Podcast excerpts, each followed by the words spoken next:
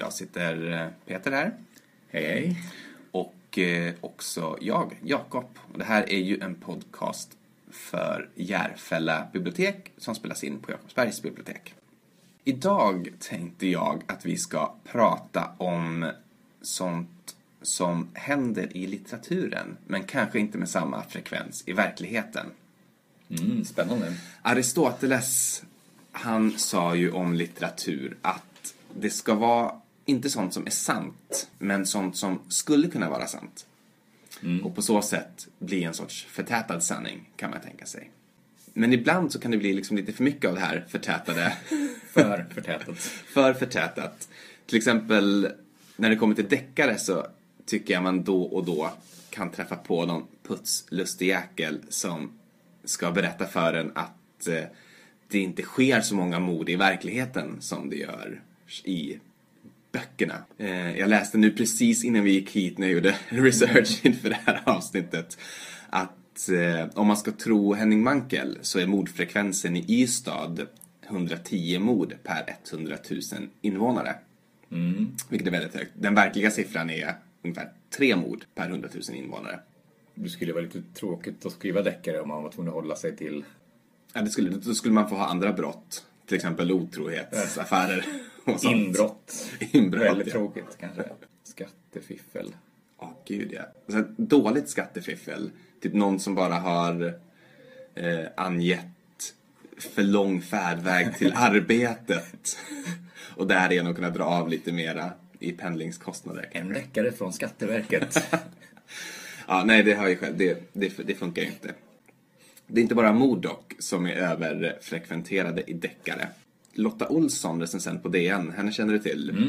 Brukar skriva mycket om deckare och Barnböcker. Ja, precis. Hon har ju skrivit en väldigt underhållande recension av Camilla Läckbergs Sjöjungfrun. Och i den här recensionen, bland mycket annat, vä- väl värd att googla upp kan jag säga förresten och läsa i sin helhet. Men i den här recensionen så skriver hon bland annat om hur vanligt det är med gravöppningar i den här lilla byn.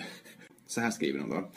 I tre av de hittills sex böckerna får Patrik Hedström också genomföra en gravöppning, vilket är ett förbluffande dramaturgiskt grepp. Man sitter och tänker, åh nej, åh nej, inte en gravöppning nu igen! Men jo då, nog är han på väg mot kyrkogården med spaden. Det är ju ganska förbluffande, för hur ofta gör man gravöppningar, tänker du? Men är inte de flesta kremerade eller? Dessutom, Bara där, alltså... visst är det 2% eller något sånt som begravs själva kropparna? Jag tror att det är något sånt där till och med väldigt... Det låter högt. Då ska man ha väldigt tur om just de har blivit mördade. Ja, och, och, och tre gånger då bara under hans tjänstgöring. Jag kan tänka mig att det senaste hundra åren kan ha varit tre gravöppningar och då kan två av dem ha varit att man har tagit upp Karl den XIIs grav. Ja, för, för att få lite extra ljus över vart den här förlupna kulan kom ifrån eller något sånt. Och resten är väl bara helt enkelt folk som måste, ja om de finns kvar där, det kanske de inte gör, men när gravarna liksom ska flyttas för att det är ingen som betalar gravavgiften längre. Ja, just det. Det räknar jag dock inte. Nej. Tänkte fråga dig om du har någon spaning på något annat sånt här grepp som är överfrekventerat i litteraturen jämfört med hur vanligt det rimligen är i verkligheten. en sak som kanske inte är riktigt exakt det du är ute efter, men att de kommer ihåg namn och adresser och gator och sånt där så himla bra i, i, i, i romaner framförallt. Alltså namn, signalement, instruktioner. Det kan vara någon, till exempel deckare så här, ja men eh, den 17 februari klockan 03.57 då ska det stå i korsningen mellan den här och den här gatan och så ska du se en person som kommer i grå rock och den kommer lämna över en attachéväska. Just det, överhuvudtaget ovanligt eller orimligt, o, på, orimligt pålitliga vittnen. Ja, men typ bara, jag skulle inte komma ihåg det här överhuvudtaget. Jag skulle behöva ta fram papper och penna och spela in och...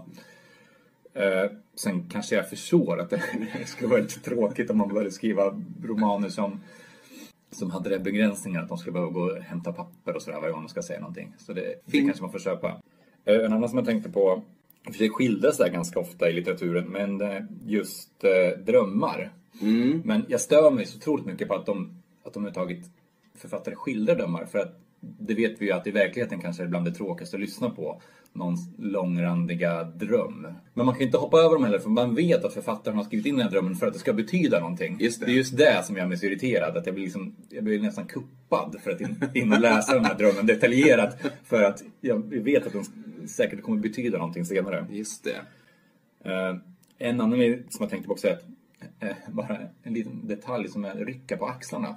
Tycker Mm. folk gör väldigt mycket i böcker. Men hur ofta ser du någon göra, nu gör jag ett axelryckning, men Ja, det det tycker jag nästan aldrig händer i verkligheten att någon, sant. att någon gör en sån. Men, men just i böcker så tycker jag väldigt ofta så Åh, hon ryckte på axlarna, han eh, ryckte på axlarna och gick. Ja, sant. Jag har inte tänkt på det, men nu när du säger det så, så är det ju verkligen. Både att man läser om det ofta och att eh, man ser det sällan. Ja, men nu, nu när jag gör så här så känner jag verkligen att har jag någonsin stått så här? Eller är det ut med armarna man gör kanske? Ja, Ja, kanske. vi, vi slutar med någon sorts visuell kommunikation. Det blir svårt att förmedla i podden. Ja, men Ja, det, var, det var några av grejerna jag tänkte på. Det var en ganska gedigen lista. Ja. Nu känner jag mig ju då lite... lite tillplattad där som bara har en enda sak ja, men det kanske var lite mer på ämnet. Medan jag svävade runt där. Men som jag var väldigt, väldigt stolt över att jag hittat. Jag tycker att det här är ett scoop. Och det är dessutom inte jag själv som har hittat det. Jag måste credda min vän Anders Granström som gjorde mig uppmärksam på det här fenomenet som Mm. Förekommer ofta i ungdomslitteraturen. Eh, för ofta, skulle jag säga. Och de här, jag ska ha tre exempel. Två av dem är från eh, Elin Kullheds eh, eh, Gudarna. För övrigt också en läsrekommendation om ni inte har läst den. Och det andra exemplet, eller det tredje exemplet, är från Skuggsommar av Mia Öström. Jag läser några utdrag så får vi se om du förstår vad det är för någonting som jag är ute efter. Allvaret, sa Lilly. Hon tände en cigg, sedan spydde hon faktiskt. En hel laddning av chips och ostbågar som ville ut. Vita flög äcklad upp från bänken. Andra från samma bok, eh, Gudarna av Elin Kullhed, är En gång råkade jag äta en Hawaii-pizza som jag upptäckte att Daniel Abdullah hade vikt kartongen åt. Jag kräktes upp måltiden i lådan och lät de såsiga degbitarna ligga. Sen tog jag en cigg och askade i spyan. Sen hävde jag spektaklet över balkongen. Sista exemplet då, det är från Ur skuggsommar av Mia Öström. Tuggan går inte att svälja. Nu är den stor som en tennisboll. Magen drar ihop sig, sväller och krymper i takt med hjärtats slag.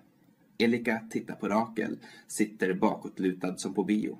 Hjärtat är för stort nu, det ryms inte i bröstet. Illamåendet växer, brer ut sig. Det finns ingen plats kvar i Rakel, snart måste någonting ut.